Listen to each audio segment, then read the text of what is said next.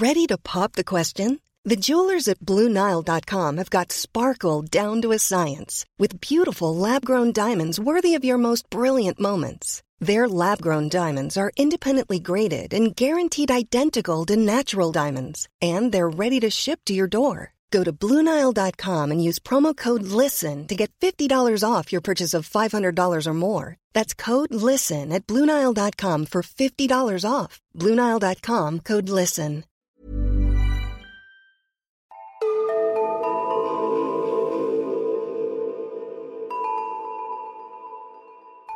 Hej och välkomna till Nära ögat, en true crime-podd för mesar. Mitt namn är Alexandra Kensdottir och mitt emot mig har jag min kollega och kompis Amelia Ingman. Hej och välkomna tillbaka till våran podd. Det är jättekul att ni vill lyssna och eh, om ni inte redan följer oss på Instagram så hittar ni oss där under Nära ogat podd.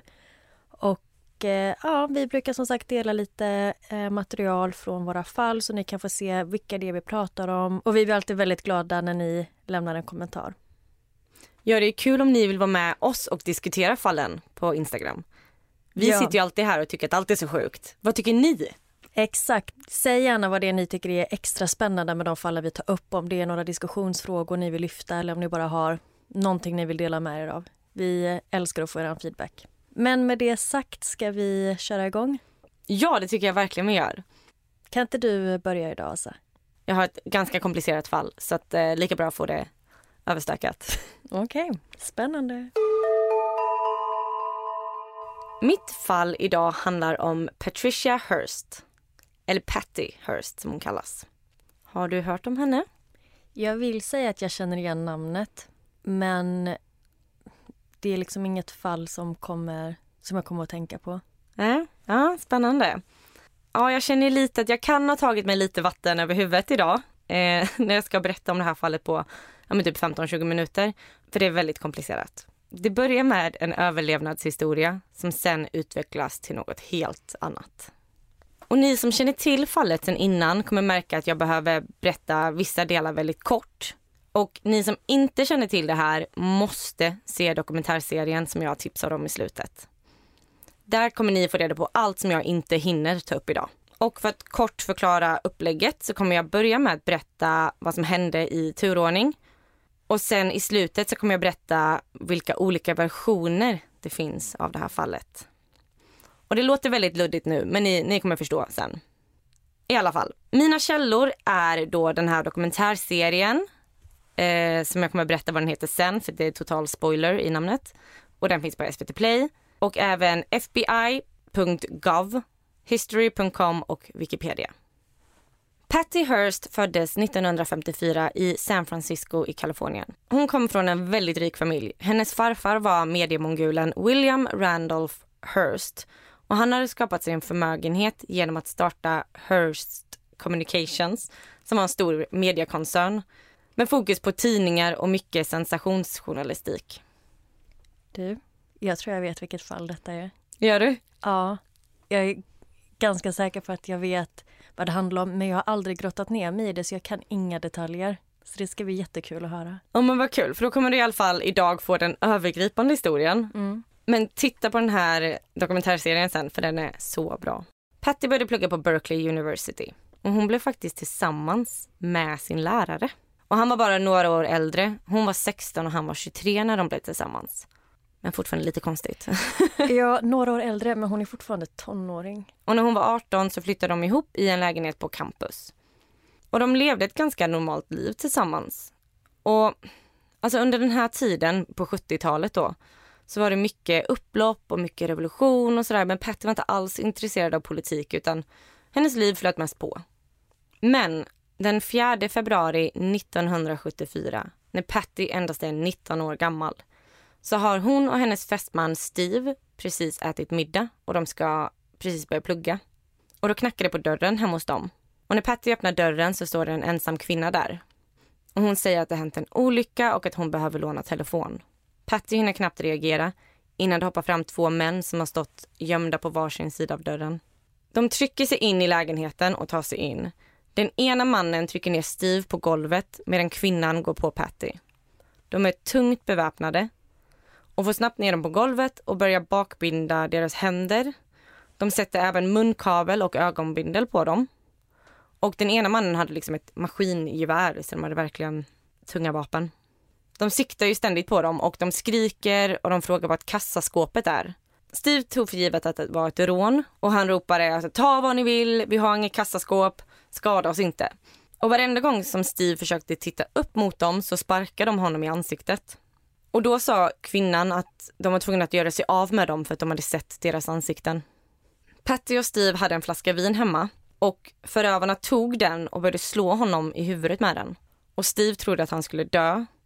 För det var liksom blod överallt, han kunde inte se någonting och samtidigt hör han hur Patty också får stryk och ligger och gnyr längre bort i hörnet. Steve lyckas till slut ta sig loss och börjar springa till grannen och börjar banka och försöka få hjälp. Man förstod också att ingen skulle våga öppna dörren för han stod där helt blodig och skrek som en galning. Samtidigt hade den ena mannen tagit Patty och slängt henne över axeln och börjat gå mot bilen. Han öppnar bagageluckan men råkar smälla till den igen så att den låser sig. Så han måste lägga ner Patty igen på marken, se till henne att hon ska vara helt stilla och så tar han upp nyckeln och får upp bakluckan.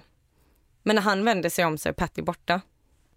Hon hade inte hunnit så långt. Hon hade bara hunnit någon meter ner till garaget. För hon var ju som sagt bakbunden och hade ögonbindel på sig så att hon visste inte vart hon skulle ta vägen. Men mannen tar i alla fall Patty igen, kastar ner henne i bakluckan och kör iväg. Och när de andra kör iväg så avlossar de några skott.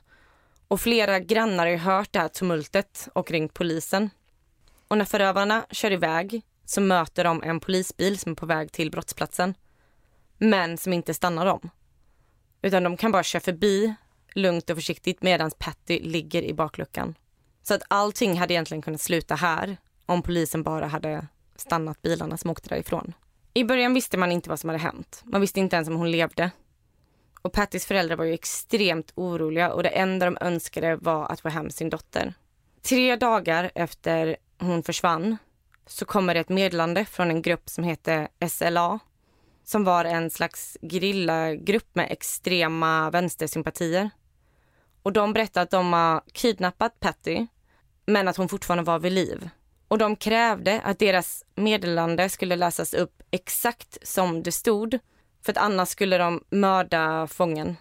Och i brevet stod det bland annat om försök görs att frita fången eller att gripa eller skada SLA-medlemmar kommer fången avrättas. Död åt fascistinsekten som parasiterar på folket. Så det här lästes ju upp exakt som de ville i liksom stora mediekanaler. Med SLA som avsändare då? Mm, precis. Och Steve låg ju på sjukhus några dagar men blev sen utskriven och kunde hämtas av Pattys föräldrar. Och utanför föräldrarnas hus så gjordes det flera gånger flera uttalanden och varenda gång var det helt fullsmockat med journalister.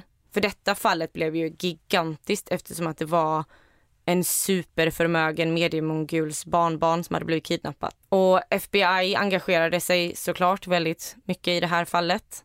Och på grund av Hearst-familjens inflytande och pengar så var det liksom att FBI kom hem till dem och startade en sökcentral hemma hos dem.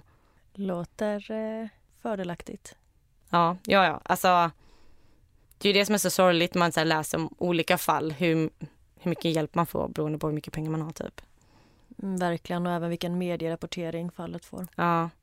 Här var det verkligen, här kan de ju verkligen rikta för att jag menar hennes farfar ägde ju ja, ett mediehus. Ja. Mm. Okej, okay, och jag tänkte nu gå in lite snabbt på vilka SLA är. Och SLA står för Symbiotiska befrielsearmén. Och det är en grupp som ville starta ett gerillakrig mot den amerikanska regeringen och vad man kallade för den kapitalistiska staten. Och under den här tiden, det vill säga efter Vietnamkriget och sådär, så var det, det var mycket revolter och många blev extrema och radikaliserade. Gruppen i SLA såg väldigt mycket upp till Marx, Lenin och kommunismen. Och de trodde att en väpnad revolution skulle störta makten. Flera av medlemmarna hade varit soldater i Vietnam. SLA ansågs vara en vänstervriden terrororganisation och de begick sitt första attentat och liten varning här, inte supertrevliga detaljer, men de mördade då en skolinspektör som hette Marcus Foster och de sköt honom åtta gånger med cyanidindränkta kulor. Och anledningen till varför de mördade honom var på grund av att han hade godkänt införande av id-kort i skolor, vilket SLA menade var fascistiskt. Oj, vad hemskt. Ja, verkligen. De, som sagt, den här eh, dokumentärserien går mycket djupare in på det här, så att titta på den sen. Och tillbaka till kidnappningen.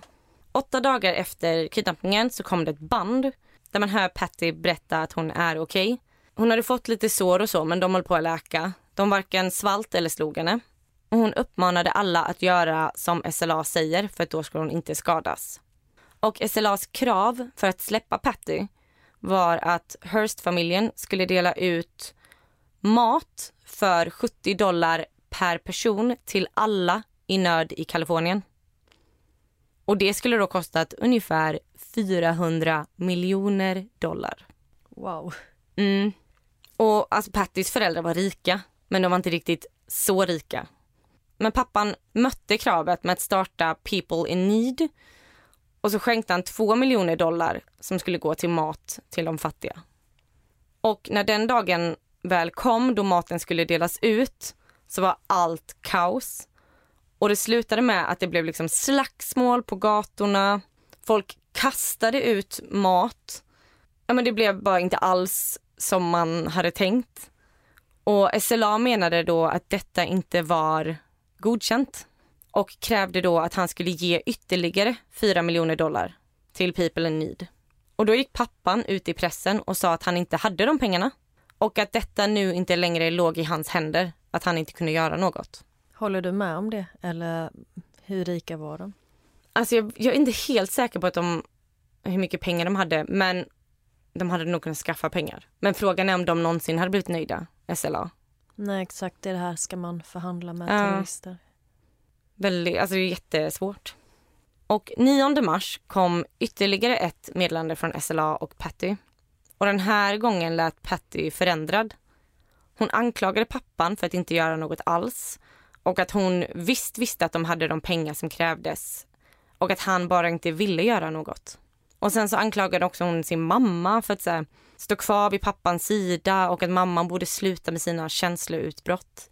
Och att hon borde sluta på sig svart på presskonferenser för att Patty är faktiskt inte död. Sluta sörj. De som lyssnade på det här bandet menar att alltså, nu slutade Patty att låta som ett offer.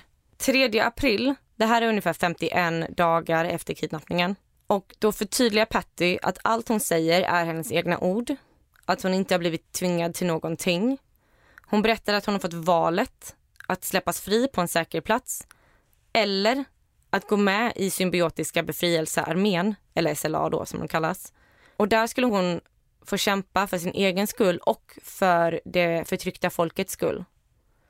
Och Patty berättar då att hon har valt att stanna och att fortsätta kämpa med dem. Och att hon nu har bytt namn till Tania och är en fullvärdig medlem av SLA. Och jag kommer fortsätta benämna henne som Patty för att inte det här ska bli superförvirrande. Och Steve, hennes fästman, berättade att det var hemskt att höra det här bandet. För man kunde verkligen höra hennes vrede.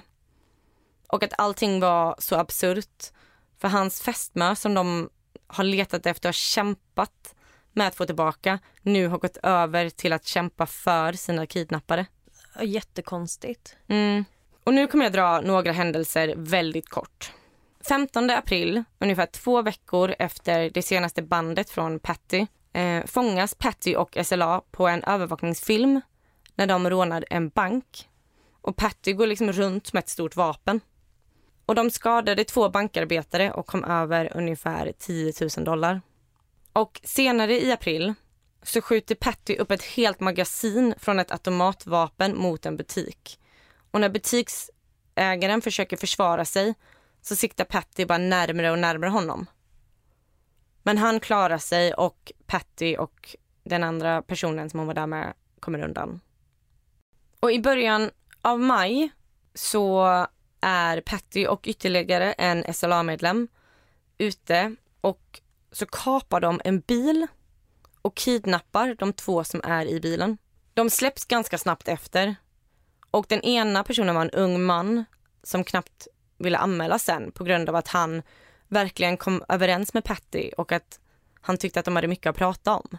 Och det var ju lite som att det blev ytterligare ett Stockholmssyndrom. Liksom först hon och sen så han av henne. Och den här, vid den här tiden, alltså Patty var ju superkänd. Alla visste vem Patty Hearst var.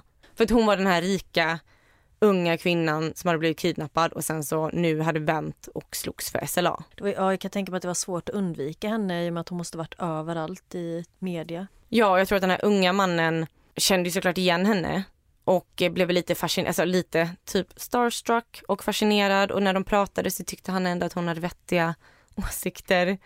Ja, för jag, jag tänkte inte. först på hur manipulativa kan de här SLA vara men ja, det är säkert som du säger att han Ja men en lite... blandning mellan allt typ. Mm. Och 17 maj händer något som avgör allt. FBI hittar SLAs gömställe. Och polisen försöker få ut medlemmarna. Men de här medlemmarna skulle aldrig någonsin ge upp utan motstånd. Så de öppnar eld och det skjuts ju extremt mycket mellan polisen och SLA. Och till slut så är det någonting som träffas som börjar brinna. Och Vissa medlemmar dör i skottlossningen medan andra dör sen i den eld som bryter ut. Och totalt dör sex av medlemmarna. Och polisen trodde först att Patty också hade dött, men hon var inte där. Så de fortsatte sökandet efter henne. Hur många medlemmar var de totalt? Vet man det? Jag kan ha fel, men jag tror att de kanske var runt så tio. Mm. Så det var inte så många. Sen kanske det var fler som inte var lika aktiva som liksom grundgruppen. Um, men ja, jag skulle gissa på runt 10. Annars får jag, jag kan skriva det på Instagram sen, hur mhm. många de var. Och under tiden Patty fortfarande gömmer sig för FBI så fortsätter hon med fler attacker. Hon hjälper bland annat till att skapa bomber som riktades mot två poliser som dock klarade sig på grund av att de inte detonerades. Och ungefär ett år senare, den 18 september 1975, så grips Patty. Och när hon grips så säger hon följande. Tell everybody that I'm smiling. That I feel free and strong and that I send all my greetings and love to all the sisters and brothers out there. Och Patty blev åtalad för beväpnat rån, bland annat. Och hon fick sju års fängelse.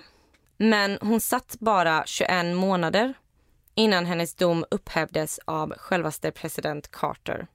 Och 2001 så benådades hon helt av Bill Clinton som då var president. Ja, har man en rik familj så. Mm. Och detta var då kort, väldigt kort, vad som hände. Och nu kommer ju då det intressanta enligt mig. Och det svåra i det här fallet är ju då att veta vad som egentligen hände. Vems fel det här var. Och det finns två helt olika historier om vad som hände. Och media och experter och även kidnapparna berättar att det kanske var hjärntvätt och så Stockholmssyndromet i början. Men att Patty sen valde den här vägen själv.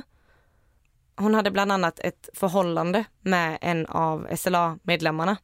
Och Kidnapparna berättar att de blev väldigt imponerade av henne och fick väldigt mycket respekt för henne när hon själv verkligen ville lära sig om SLA.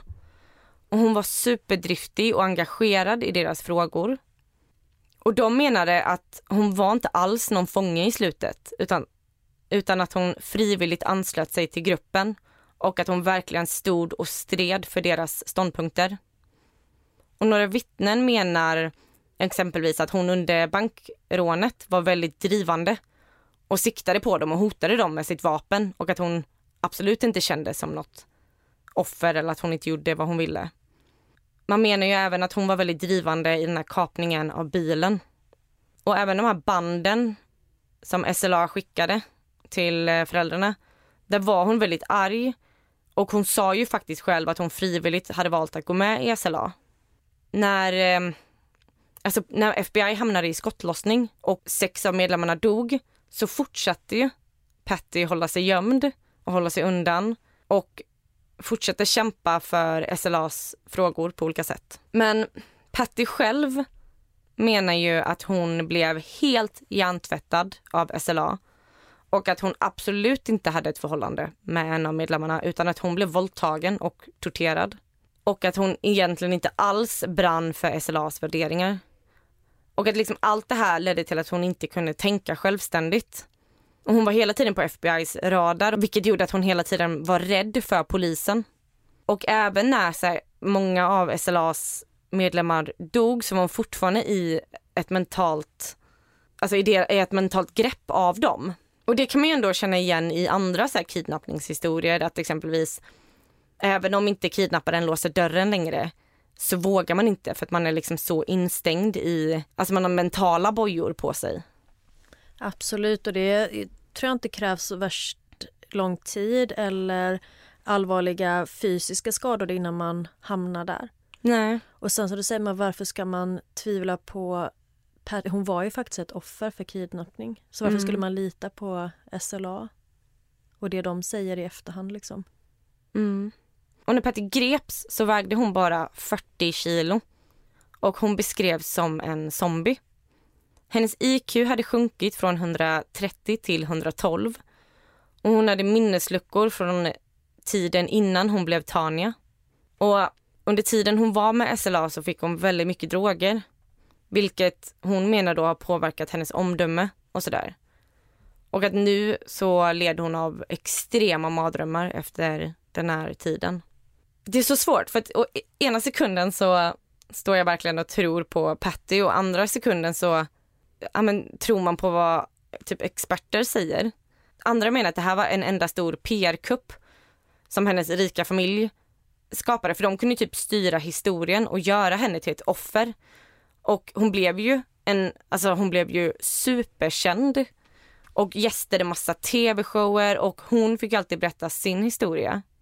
Um, så vissa menar ju så att så fort hon blev gripen så bara, nej men då vände hon och liksom gjorde allt för att bli rentvådd. Ja, jag förstår vad du menar. Alltså bara nu när jag hör dig berätta, man svajar ju fram och tillbaka hela tiden. Mm. Det var också så här, det var mycket konstiga händelser som nog bara skedde på grund av att hon var så pass rik och kom från en mäktig familj. För när hon släpptes lös mot borgen så skulle hon övervakas av en polis. Men då fick hon och hennes familj själva välja vilken polis som skulle övervaka henne. Okej, det har jag aldrig hört talas om tidigare. Nej, det låter ju helt ologiskt. Och, men de valde i alla fall en exemplarisk polis, Bernie Shaw. Han var alltså, en äldre familjefar med väldigt bra värderingar. Men det slutar också med att Patty blir tillsammans med honom. Och att han lämnar sin familj för henne. Och alltså, då många så spekulerar i att det var, det var så hon alltid gjorde. Att hon blev intresserad och tillsammans med de som hade makt över henne. Alltså först läraren, sen kidnapparen, sen övervakaren. Men det känns också så här, lite typiskt att det är så man rapporterar för att det handlar om en kvinna och hennes liksom pojkvänner. Ja exakt, man tänker kanske att det är män i maktposition som utnyttjar henne. Mm, man kan alltid vända på det. Jag har inget bra avslut där jag kommer till en smart slutsats om vad jag tror det är. För jag velar så mycket fram och tillbaka. Å ena sidan så blev hon ju kidnappad och hon blev ju hjärntvättad. Å andra sidan så var det så mycket som hände som gjorde, alltså hon hade så många gånger kunnat liksom inte göra bomber för att liksom döda poliser efteråt. Hon hade också kunnat välja att inte skjuta mot butiksägaren. Precis. Men ja, nej, alltså jag, jag blir helt knäpp av det här fallet. Och det är med ett sånt här öppet slut som jag lämnar fallet om Patty Hearst. Men då är det väl jätteintressant om ni som lyssnar kan säga vad, vad ni tror eller vad ni tänker kring det. Verkligen. Och som, som jag har tjatat om under de här minuterna. Om ni inte redan gjort det, se dokumentärserien på SVT Play som heter Patty Hearst, miljonärskan som blev terrorist. Väldigt spoiler alert. ja, okay, jag fattar varför du inte sa titeln i början. Och där finns det liksom tusen grejer som jag inte hann med att ta upp idag och massa intressanta sidospår. Så gå in på vår Instagram och berätta vad ni tror och vad ni tycker. Och se den här eh, dokumentären. Den är typ sju avsnitt så jag försökte få med det här på 20 minuter. Vet inte hur bra det gick. jag tycker det gick jättebra men det är så svårt att komprimera en hel serie eller en he- hel bok eller film eller vad det kan vara till 20 minuter. Så det är bra jobbat. Jag ska definitivt kolla in serien. Ja men kul, gör det så kan vi diskutera sen. Ja. Nu vill inte jag prata med er, nu är det din tur. All right. Så jag har också ett fall som är från USA och jag ska prata om Charla Nash. Mina källor är Wikipedia, NBC och en Youtube-kanal som heter Fascinating Horror. Charla Nash är född 1954 och bor i Connecticut. Hon är nära vän med en kvinna som heter Sandra Harold och de umgås väldigt mycket både privat och på jobbet för Charla jobbar nämligen för Sandra.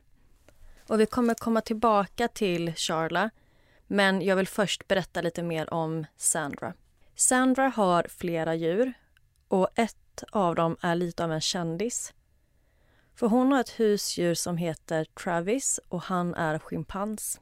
Jag tror jag känner igen fallet. Mm, det här är ett fall som jag såg för första gången kanske för 10-12 år sedan och jag blev så fascinerad när jag såg det. Och eh, ja, det skulle inte förvåna mig om du också har koll på det. Jo, så Travis då som är schimpans, han är då även skådis, om man nu kan kalla ett djur för skådis. Men han har varit med i flera olika tv-serier och reklamfilmer. Till exempel för Pepsi, Old Navy och han har också varit med i Maury Povich Show. Och så har han gjort en pilot för en tv-serie tillsammans med Sheryl Crow och eh, Michael Moore med mera. Så det är ändå en ganska stora namn. Känd schimpans. ja, exakt. Um, när Travis är född i oktober 1995 i fångenskap i Missouri Chimpanzee Sanctuary. Och när Travis är tre dagar gammal så köps han av Sandra och Jermone Harold. Men i alla rapporter så säger de att han adopterades men jag vet inte, jag tycker att de, de köper honom. Alltså han, eh, han var bara tre dagar gammal och hans mamma var fortfarande i liv så det är ändå lite konstigt. Alltså jag fattar verkligen vad du menar. Det känns som att man så här sugarcoat it genom att säga adopterade. För att de Lite så, för att köpte verkligen honom. ja verkligen. Och som sagt, han var bara tre dagar och eh, Travis mamma var fortfarande vid liv så att han borde egentligen fått stanna med henne. Men Sandra döper Travis efter hennes favoritsångare Travis Tritt och det tar med honom till deras hem i Connecticut. Travis var i stort sett alltid tillsammans med Sandra och Jerome och han brukar ofta följa med dem till deras jobb eller när de skulle in till stan och handla. Och paret de drev en bärgningsfirma så Travis brukade ta bilder med kunder i verkstaden och han brukade åka med i bärgningsbilen. Och då satt han liksom med bilbälte på och så brukade han ha en baseball-t-shirt. Och alla i stan visste vem Travis var. Han var väldigt omtyckt och var typ som en lokal kändis. Och Travis spenderade hela sin uppväxt, eller egentligen hela sitt liv, tillsammans med människor. Och en granne till Sandra och Jerome berättar att han brukade lekas och brottas med Travis. Men han säger att Travis visste alltid när det var dags att sluta och lyssnade jämt på sina ägare. Travis kunde använda nyckel och låsa upp dörrar. Han kunde klä på sig, borsta tänderna, vattna blommor. Han kunde mata hästarna och sitta vid middagsbordet och äta tillsammans med människor. Och De brukade även ge honom ett glas vin som han kunde liksom dricka själv. Men va? Ja. Och eh, Travis älskade glass så han lärde sig vilka tider glassbilen brukade komma. Och Han kunde även logga in på dator och kolla bilder. Han brukade titta på tv och kunde använda fjärrkontrollen. Och eh, Hans ägare menade att han tyckte väldigt mycket om att kolla på baseball. Och Han hade även vid flera tillfällen kört bil. Det här är, känns så himla amerikanskt. Ja, så de behandlar honom som en människa i stort sett. Ja, men också så här, vem låter en apa köra en bil? Vem har ens en apa som husdjur? Nej. Men Travis är en väldigt älskad familjemedlem och de menar att de har aldrig haft några problem med honom. Men i oktober 2003 sker en incident. Jerome och Sandra åker bil tillsammans med Travis och de stannar till vid ett rödljus och står stilla. Och då går det en person förbi på trottoaren som slänger ifrån sig någonting mot bilen bara. Och det här föremålet han slänger kommer liksom in i bilen genom ett fönster som är lite öppet och träffar Travis. Och detta skrämmer honom och han blir helt rasande. Så han knäpper upp bältet, öppnar bildörren och börjar jaga den här personen. Men som tur var så får han inte tag på honom. Och polis kommer till platsen och de försöker gång på gång lura tillbaka Travis in i bilen och de använder sig av nötter, av glass, av kakor. Men så fort de får in honom så bara smiter han ut genom en annan dörr. Och han börjar flera gånger jaga polisen runt bilen. Och han var lös i flera timmar vilket orsakade trafikkaos i den här väldigt trafikerade korsningen. Och detta pågick tills Travis tröttade ut sig själv och de till sist lyckades skjuta honom med en lugnande bedövningspil. Kan det vara att han typ har blivit könsmogen, att han blir liksom aggressiv? Ingen aning. Det, liksom, det finns ingen förklaring egentligen till det här utbrottet. Jag tänker liksom att han har blivit tonåring. Ja, kanske. Och trots att ingen blev skadad så ledde denna händelsen till en lagändring i Connecticut. Och det, den lagen förbjuder människor att ha primater som väger mer än 23 kilo som husdjur och kräver även att ägare av exotiska djur måste ansöka om tillstånd. Utöver detta så har det även skett en annan incident med Travis.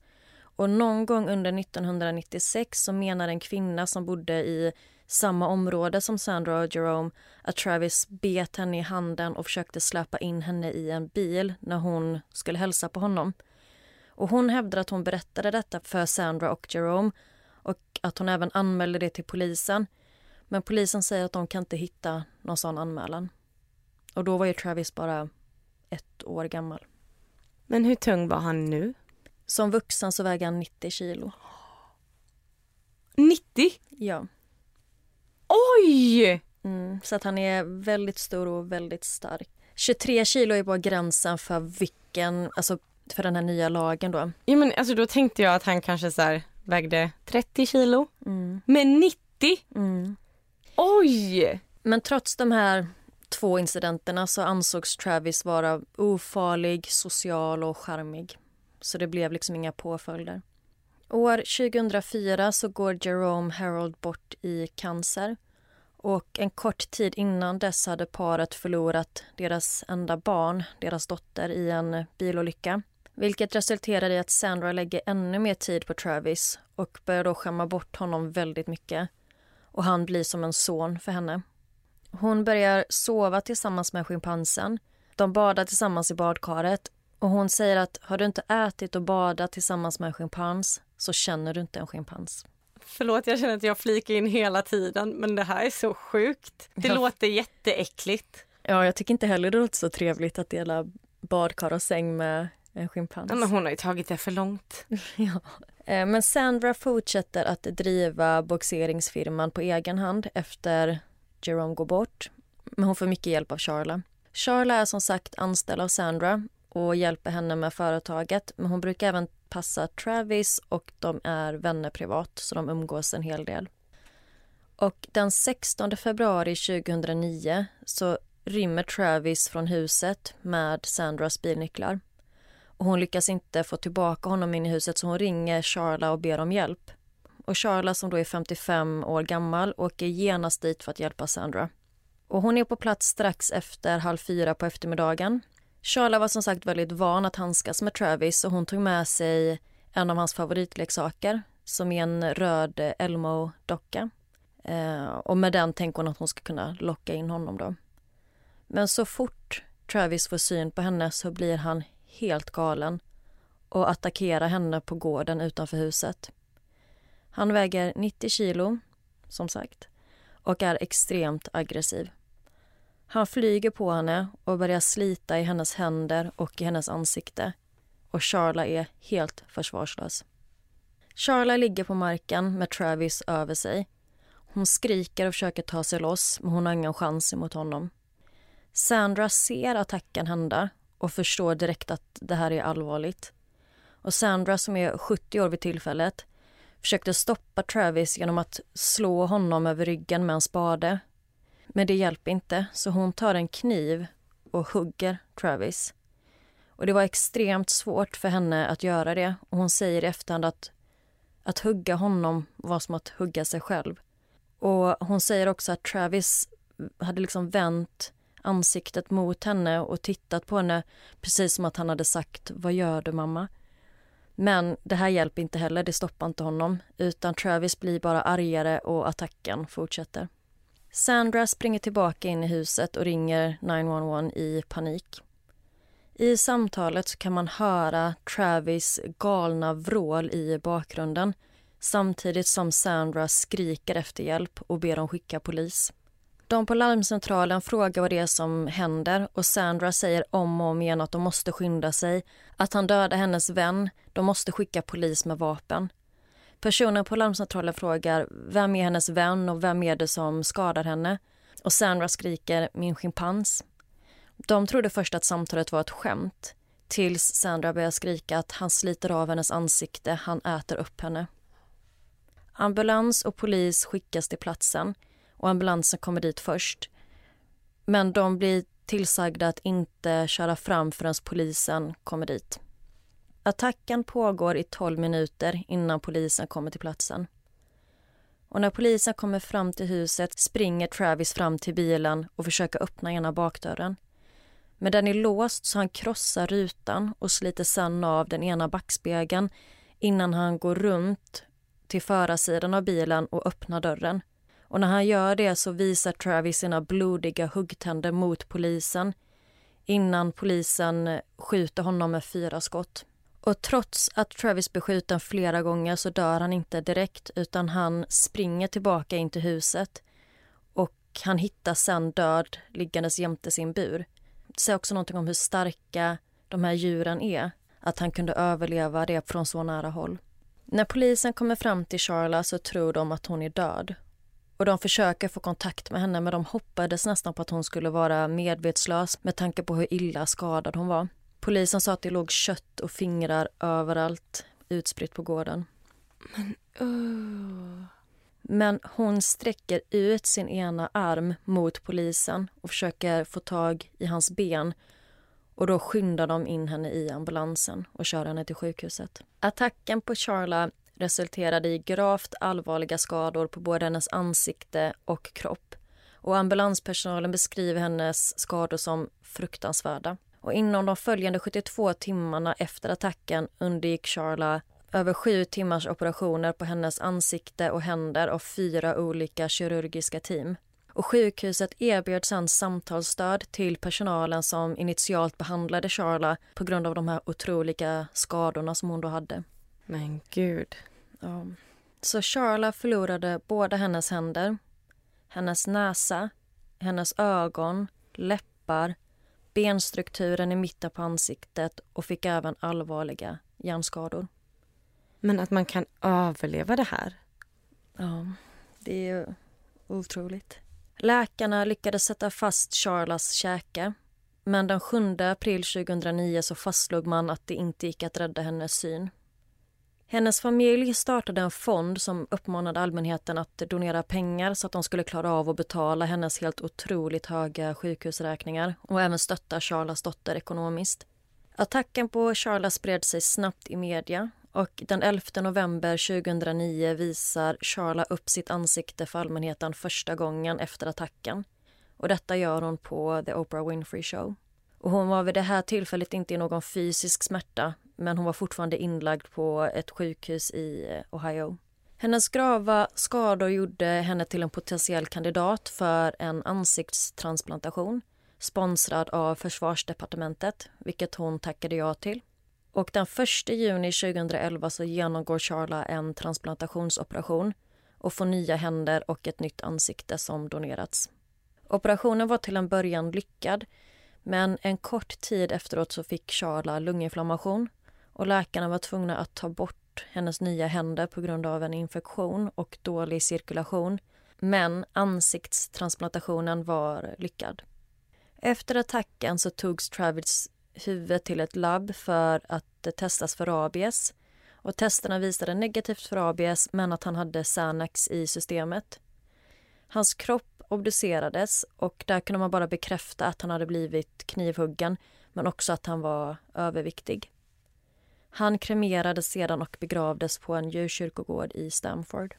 Varför hade han Xanax? För visst, det är väl lugnande? Ja. Då visade det sig att Sandra hade gett det till Travis samma dag som attacken. Och enligt en källa så hade Travis varit uppjagad och Sandra försökte lugna ner honom och hade då gett Travis te som hon spetsat med Xanax vilket kan då ha förvärrat hans aggression. Enligt Wikipedia så är Xanax ett eh, kortverkande kraftfullt läkemedel mot ångest men som också kan orsaka desorientering och ibland även paradoxala reaktioner av hallucinationer, aggression, ilska och mani hos människor. Så man vet ju inte hur detta påverkar Travis som är schimpans. I mars 2009 lämnar Charlas advokat in en stämningsansökan på 50 miljoner dollar mot Sandra Harold. Och den 6 maj så fryser en domare Sandras tillgångar och estimerar dem till ett värde av 10 miljoner dollar. Andra potentiella tilltalade var Connecticut Department of Environmental Protection, staden Stamford och veterinären som skrev ut Xanax.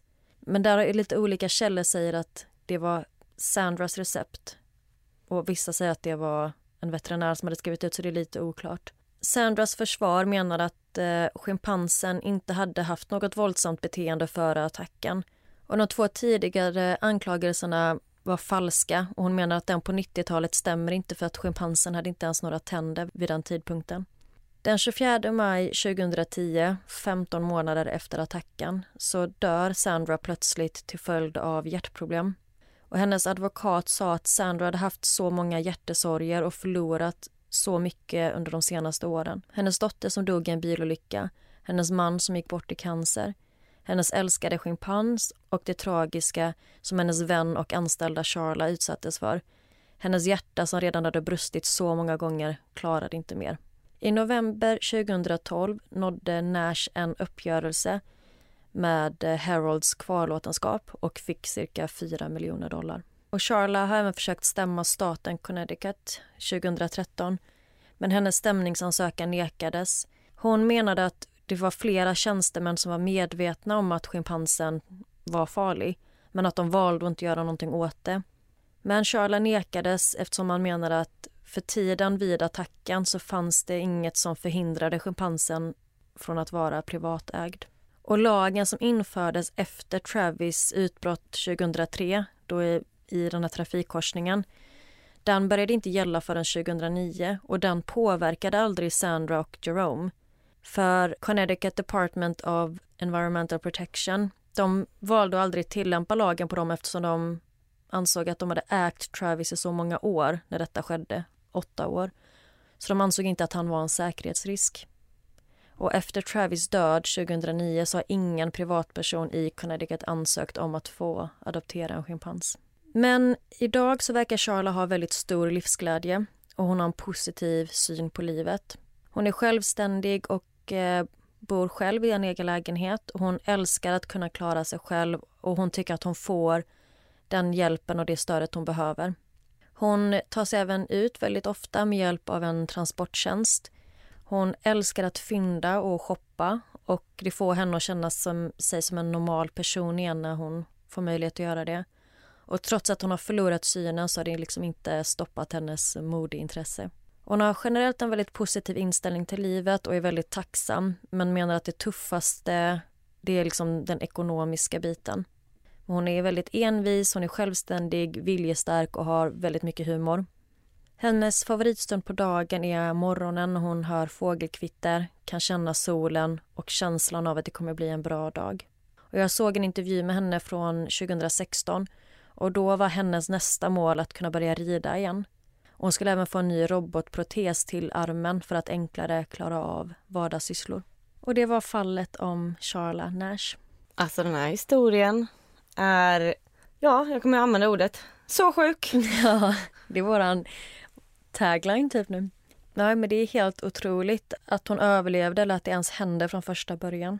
Alltså har det någonsin varit en bra idé att äga stora vilda exotiska djur?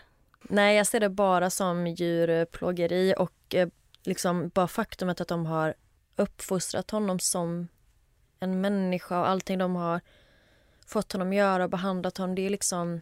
Ja, men så att han ska köra bil och han ska dricka vin och dricka te. Man bara, men det är inte hans val. Alltså, det är så konstigt när man ska förmänskliga djur på det sättet. Ja. Och det är många som har försökt förstå liksom, varför detta hände. Eller liksom, varför han blev så aggressiv just den här dagen och mot en person som han egentligen hade en relation med. Men Sandra har ju då försökt förklara detta genom att säga att när Charla kom för att hjälpa henne så, så hade hon en ny frisyr. Vilket då kan ha förvirrat Travis och liksom faktumet att hon hade en frisyr som han inte kände igen och höll i hennes favoritleksak gjorde att det bara slog slint i huvudet på honom. Men samtidigt, hon hade drogat honom plus att jag läste även att han gick på medicin för borrelia vilket också kan ha påverkat situationen. Ja, men jag blir så här, det kanske inte är första gången som hon lägger Xanax i hans te. Man vet ju inte om det har pågått under en längre period eller... Nej, och också typ om, om hon hade gjort det en längre period så borde hon ha liksom sett den potentiella faran med att ha kvar honom. Jag bara tycker det är så hemskt på så många nivåer. Dels då att, att, att den här stackars schimpansen ska leva på det sättet och också det var Charla utsattes för. Det är fruktansvärt. Ja, alltså Charla åkte ju bara för att hjälpa sin kompis. Ja, som sen liksom inte egentligen kunde erkänna sitt fel i situationen. Nej. Och blev ju också ett offer på sitt sätt. Hon tyckte att hon hade ju förlorat ännu en familjemedlem. Och liksom, som hennes advokat sa, liksom att hjärtat brast en gång för mycket. Mm. Men vad skönt att höra att Charla i alla fall har en positiv syn på livet. Ja, det tycker jag. Och liksom jag, den här intervjun jag såg med henne, hon var väldigt så här, humoristisk och väldigt positiv och var inte alls på något sätt eh, som att hon var hämmad eller hon hade liksom sin shoppingrunda och alla, all butikspersonal kände igen henne och de tyckte alltid det var så trevligt när hon kom in. Och så fanns det även en massa bilder på när hennes dotter har tagit examen. Hon har varit med och stöttat henne och ja men det verkar ändå som att hon har det bra. Ja, vad fint. Ja, men det var allt för dagens avsnitt. Ja, den här gången var det två väldigt olika fall. Ja, vi fick kompensera för förra veckan. Ja. ja, men vi hoppas att ni gillar det och eh, tack igen för att ni lyssnar. In och diskutera på Instagram, både om Patty Hearst och Charla Nash. Nära ogat podd heter vi där. Och eh, vi hörs igen nästa vecka. Puss puss. Puss hej.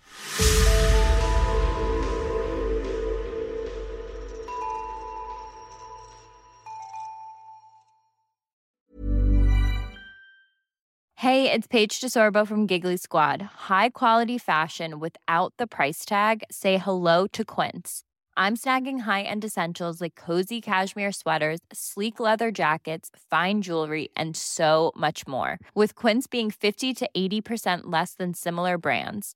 And they partner with factories that prioritize safe, ethical, and responsible manufacturing. I love that. Luxury quality within reach. Go to quince.com slash style to get free shipping and 365 day returns on your next order. Quince.com slash style.